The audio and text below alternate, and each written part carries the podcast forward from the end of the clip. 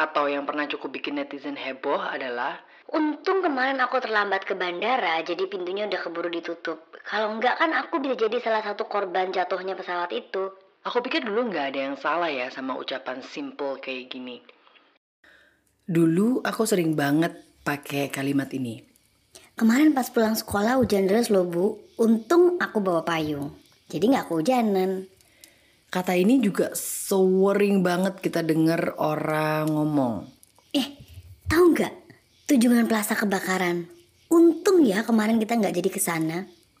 Atau yang pernah cukup bikin netizen heboh adalah Untung kemarin aku terlambat ke bandara, jadi pintunya udah keburu ditutup. Kalau enggak kan aku bisa jadi salah satu korban jatuhnya pesawat itu. Aku pikir dulu nggak ada yang salah ya sama ucapan simple kayak gini.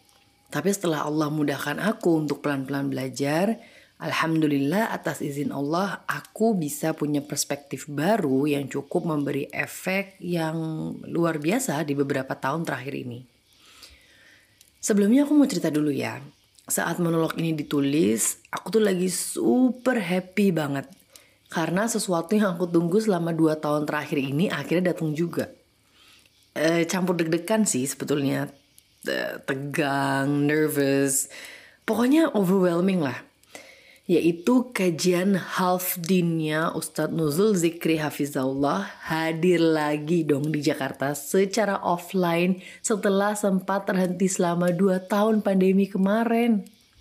Nah, yang bikin nervous dan deg-degan adalah banyak yang udah kasih testi kalau kajian ini tuh selalu cepet banget abisnya atau sold out. Yang dulunya anak konser pasti tau lah ya anxiousnya kayak apa.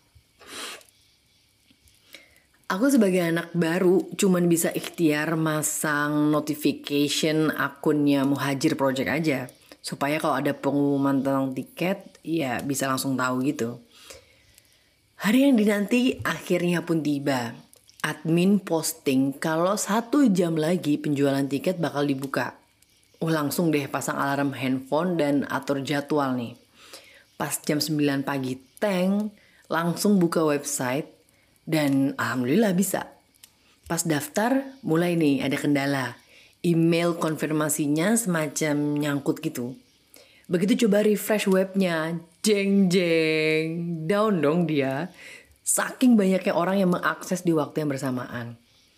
Mulai agak panik nih, dari jam 9 sampai jam 12 siang, apa pun kegiatannya saat itu tetap disambi sama uh, refresh website. Pas makan siang, kodarullah bisa nih aku masuk ke webnya. Tapi lupa dong passwordnya. Akhirnya daftar lagi pakai email yang satunya dan bisa sampai ke halaman purchase ticket. Sempat agak error lagi, tapi cuma sebentar doang sih. Terus alhamdulillah bisa sampai ke pembayaran dan sukses dapet dua tiket untuk sesi siang. Iseng kan aku ngecek komen di postingan Muhajir Project. Ternyata di saat yang bersamaan tuh banyak orang yang pas buka web malah error. Atau bahkan ada yang pas pembayaran keputus gitu koneksinya. Pokoknya masih pada ruwet gitulah. Dan setengah jam kemudian web ditutup sama admin untuk mengurai traffic. Empat jam kemudian nih websitenya on lagi dengan status tiket pagi udah sold out dan tiket siang udah tinggal beberapa aja, dikit banget. Aku yang dulu mungkin bakal mikir kalau ah, aku ini beruntung banget bisa satu satu kelar langsung dapet. Terus pembayarannya lancar. Rezeki anak soleha lah kalau istilah zaman sekarang gitu kan. Tapi aku yang sekarang mikir, this has nothing to do with luck. Aku nggak punya yang namanya hoki. As a matter of fact, I no longer believe in luck. Ada kekuatan yang lebih besar dari hanya sekedar keberuntungan. Ada yang memudahkan aku untuk bisa melalui itu semua di saat orang lain masih struggling, yaitu qadarullah, takdir Allah atau ketetapan Allah. Kenapa di awal aku bilang cara pandang ini benar-benar mengubah caraku berpikir? Karena efek yang ditimbulkan oleh dua point of view ini itu bagaikan timur dan barat. Point of view ini aku ibaratkan dengan kacamata ya. Jadi ketika aku pakai kacamata luck atau kacamata hoki, aku bakal mikir kayak tadi. Wits, beruntung banget ya gue. Rezeki anak soleha. Untung tadi gue gercep refresh-refresh terus. Coba kalau gue lemot, eh, pasti keburu ditutup lagi websitenya. Untungnya lagi gue gak gaptek, jadi bisa langsung bayar pakai barcode. Semuanya tentang aku, aku, dan aku. Ini karena skillku, karena kepintaranku, karena kesolehanku, dan karena aku yang lainnya. Di mana Allahnya dong? Masa iya Allah sama sekali nggak ada perannya dalam proses mendapatkan tiket tadi? Tapi ketika aku pakai kacamata qadarullah atau takdir Allah, aku jadi mikirnya gini. Ya Allah, itu tadi kalau bukan karena Allah yang gerakkan tanganku untuk nge-refresh kesekian kalinya, mungkin aku nggak bakal bisa masuk ke websitenya. Kalau Allah nggak lapangkan waktuku, mungkin aku bakal miss atau lupa untuk nge-refresh. Kalau Allah nggak mudahkan aku untuk memilih pembayaran via barcode instead of bank transfer, mungkin paymentku bakal nyangkut dan bermasalah. Semua tentang Allah. Karena setiap yang kita lakukan di muka bumi ini, setiap helaan nafas, setiap kedipan mata, dan setiap degupan jantung itu karena Allah. Allah yang mudahkan itu semua, Allah yang menjadikan itu semua mungkin untuk terjadi. Kalau saat itu Allah takdirkan HP kita mati total tiba-tiba, gimana? Iya salam. Mau apa? Di charge nggak nyala, di hard reset nggak bisa. Semua kegercepan, kepintaran, dan keke yang lain gak akan ada gunanya. Dan kenapa Allah mudahkan aku untuk bisa dapat tiket itu? Bukan karena rezeki anak soleha. Tapi karena menurut Allah aku masih jauh dari soleha. Masih sangat sedikit ilmunya. Jadi aku perlu datang ke majelis ilmu itu. Sedangkan orang lain yang qadarullah mungkin gak kedapatan tiket, bisa jadi mereka malah jauh lebih soleha daripada aku. Lebih banyak ilmunya, sehingga Allah takdirkan untuk gak perlu hadir di majelis ilmu yang ini. Mengubah mindset untung jadi qadarullah itu benar-benar bisa membuat kita selalu ingat bahwa kita itu bukan siapa-siapa. Kita itu cuma manusia lemah yang sangat terbatas kemampuan dan kekuatannya. Coba kita lihat deh orang yang menurut kita paling beruntung di dunia. Yang lahir dari keluarga kaya raya, otaknya cemerlang, kuliah di Ivy League, bikin apa aja booming, beli apa aja jadi, saham pun bahkan ya bisa naik turun berdasarkan cuitan dia. Semua itu karena apa? Karena dia beruntung bisa lahir dari keluarga kaya dan pinter dan dapat semua fasilitas itu. Bukan. Ya karena Allah yang takdirkan.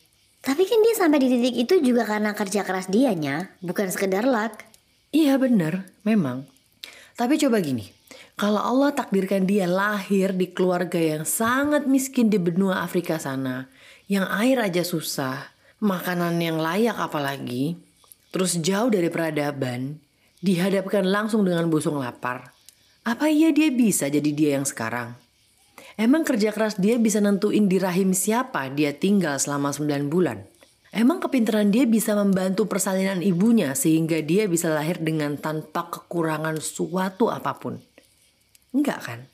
Ribuan tahun yang lalu juga ada orang yang merasa sangat beruntung. Bahkan banyak banget orang yang bermimpi untuk bisa menjadi seperti dirinya. Tahu korun kan? Kalau belum tahu, aku ubah deh pertanyaannya. Familiar kan sama istilah harta karun? Nah, karun itu ya korun. Saking banyaknya hartanya, sampai zaman sekarang nih, kalau orang nemuin harta yang tersembunyi, itu disebut harta karun kan? Coba kita lihat kisahnya di Al-Quran dalam surat Al-Ankabut ayat 76 sampai 82. Sesungguhnya Korun termasuk kaum Musa, tetapi dia berlaku zalim terhadap mereka.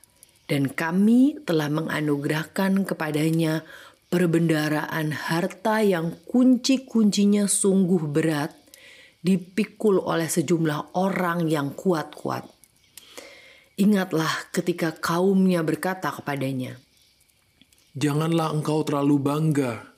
Sungguh Allah tidak menyukai orang yang membanggakan diri.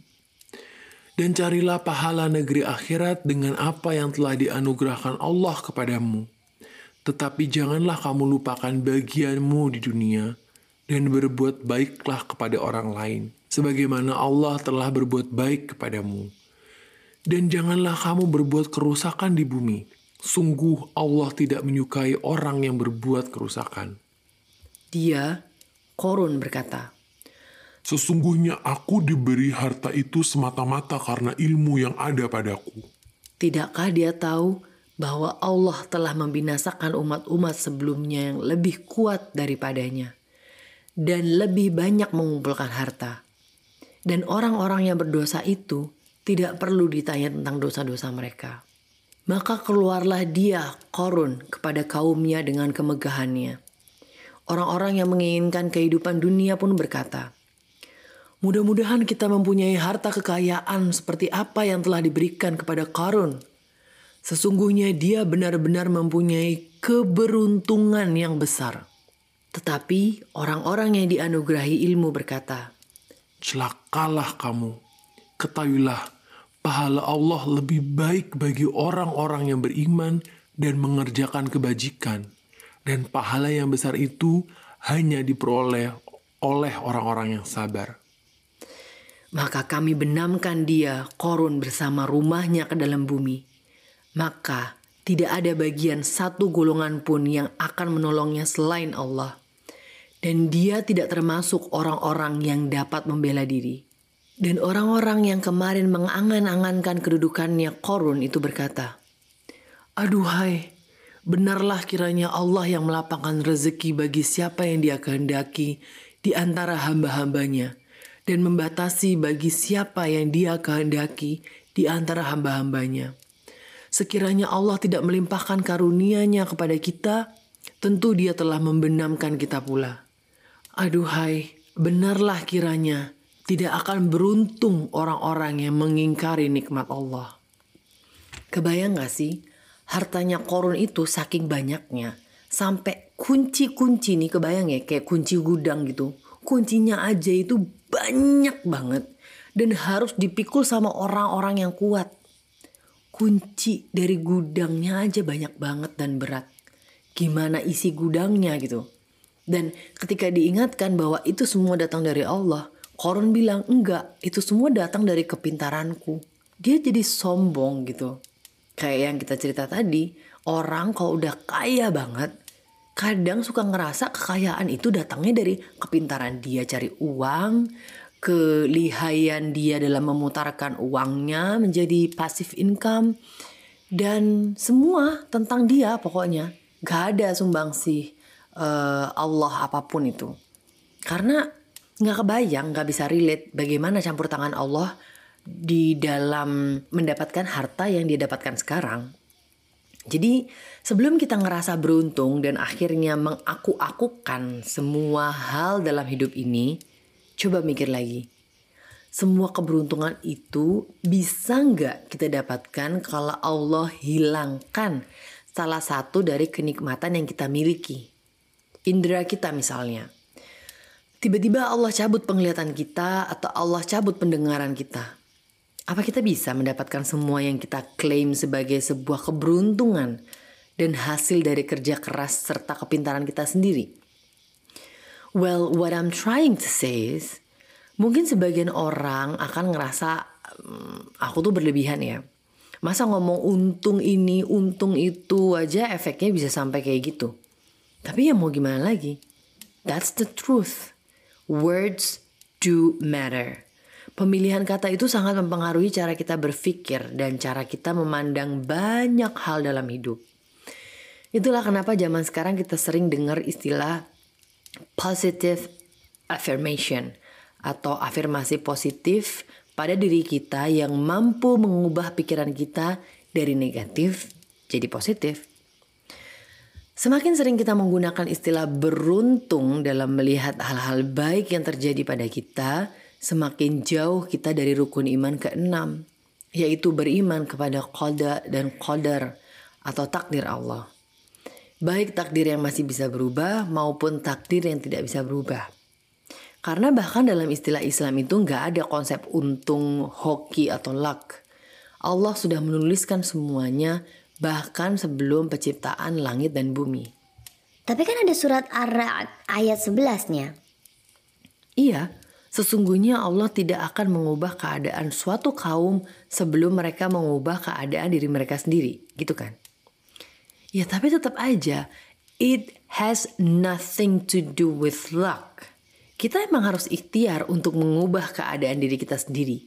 Tapi hasil akhirnya tetap Allah yang menentukan. Ya enggak?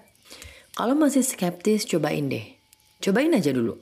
Nggak bayar kok dan nggak perlu ngeluarin effort yang besar.